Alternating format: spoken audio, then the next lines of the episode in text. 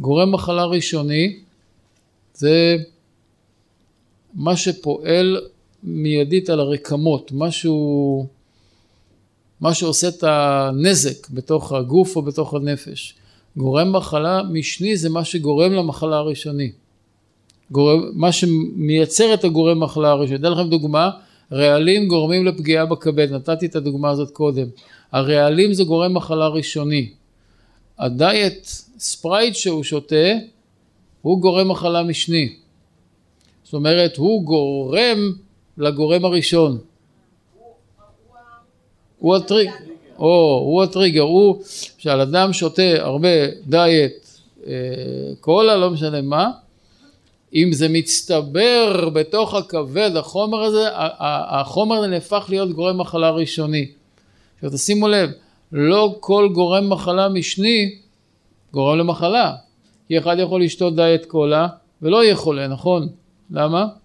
כי הרעלים לא הצטברו.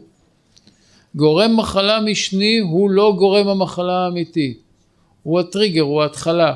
מה שגורם באמת לחולי זה גורם מחלה ראשוני. שזה הפעולה של החומרים על הגוף. בבריאות טבעית מה שאנחנו עושים אנחנו פועלים להפסיק, לשנות את אורח החיים כדי שלא יצטבר גורם המחלה הראשוני, לא יצטבר בתוך הגוף ויעשה נזקים. עכשיו צריך להבין את הדבר הזה בנפש. למשל אה, מישהו מעצבן אותו וזה גורם לו כעס. המישהו הזה מה הוא? גורם מחלה משני, בדומה לאספרטיים, כן? מה גורם מחלה הראשוני? הכעס. הכעס הוא גורם המחלה הראשוני. זאת אומרת, יכול להיות שמישהו היה מנסה לעצבן אותו ולא היה כועס, או לא באותה מידה. אז גורם המחלה המשני לא היה הופך להיות ראשוני. זה העבודה שלנו בעצם.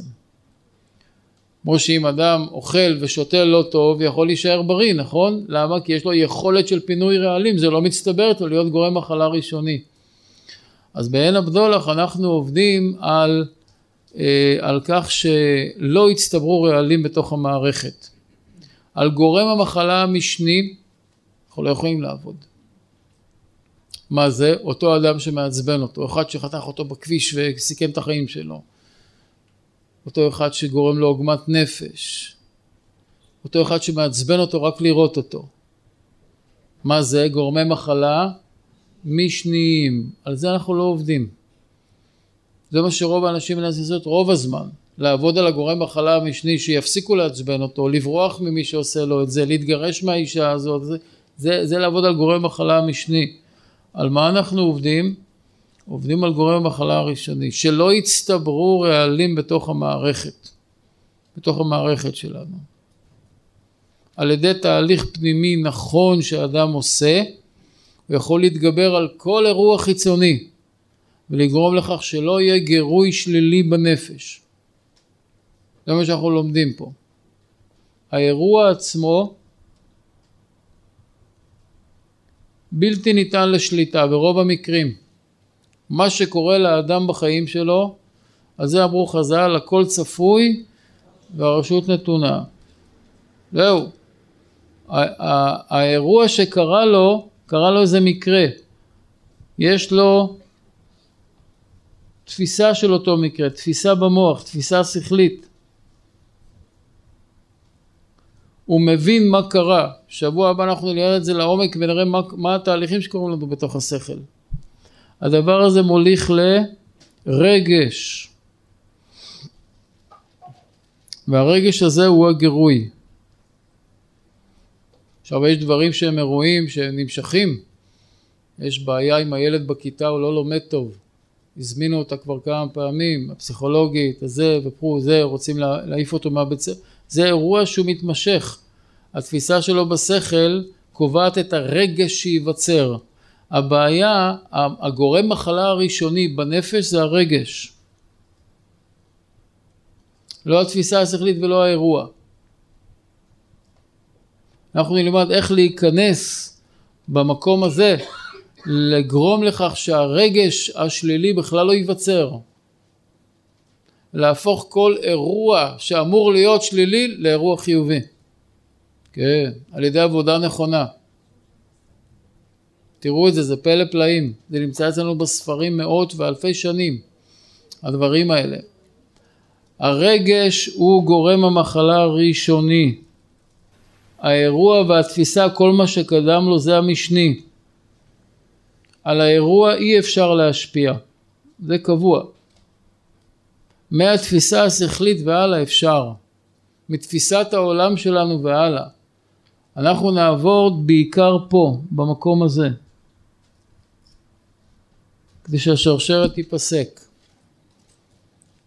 בין האירוע לבין מה נכנסתי לתוך המערכת. לא האירוע עצמו.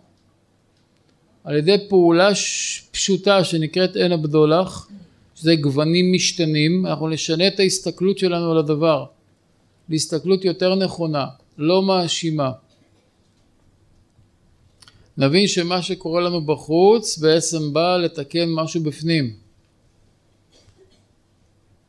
ועל ידי תיקון פנימי בתוך המערכת שלנו, שהוא תיקון תמידי, זה לא יהיה תהליך שעושים אותו פעם ביום, או פעם בשבוע בערב ראש השנה, זה תהליך שהוא כל הזמן, ככה צריך ללמוד להסתכל על החיים. ואז מפסיקים להיכנס גירויים לא טובים. עוד יותר בעומק, אנחנו נלמד שאנחנו מייצרים את האירועים שקורים לנו. אין שום דבר במקרה, לכן התנאי היחיד שמי שרוצה לתרגל את הדבר הזה מבחינה דתית מה שנקרא, אמונית, זה לדעת שני דברים. לדעת שני דברים. אחד, שיש בורא בעולם, יש בורא לעולם. עיקר העבודה שלנו תהיה עם זה, שיש בורא לעולם ושכל מה שקורה לי בחיים הכל בהשגחה פרטית. אין מקרים. כל מה שאני רואה, שומע, מרגיש, אפילו לא בקשר ישיר, שמעתי על משהו שקרה באיזשהו מקום, זה כבר בעולם שלי. זה לא מחוץ לי, זה אצלי. זה אצלי, זה חלק מהנפש שלי, ואני משכתי את זה אליי. זה תורת החסידות במיטבה. שבוע הבא אנחנו נקרא מאמרים על זה. שאיך אפשר להבין שכל המציאות החיצונית שאני רואה, שומע, מרגיש, היא בעצם תולדה של דברים שנמצאים בתוכי, שצריכים תיקון, שהם מושכים את אותו דבר אליי. ואין שום דבר במקרה. הכל בהשגחה פרטית מוחלטת על המילימטר. ואנחנו נלמד איך להיכנס ולשנות את הדברים במקום שצריך לשנות אותם ולהפוך את, ה... להפוך את המציאות. ברגע ששינינו בפנים, ממילא הדבר שבא מבחוץ גם כן משתנה. לפעמים על המקום, על הרגע. על הרגע. להמשך ההרצאה ומגוון מאות הרצאות נוספות, יירשמו לבסוד הדברים, הרב יובל אשורוב.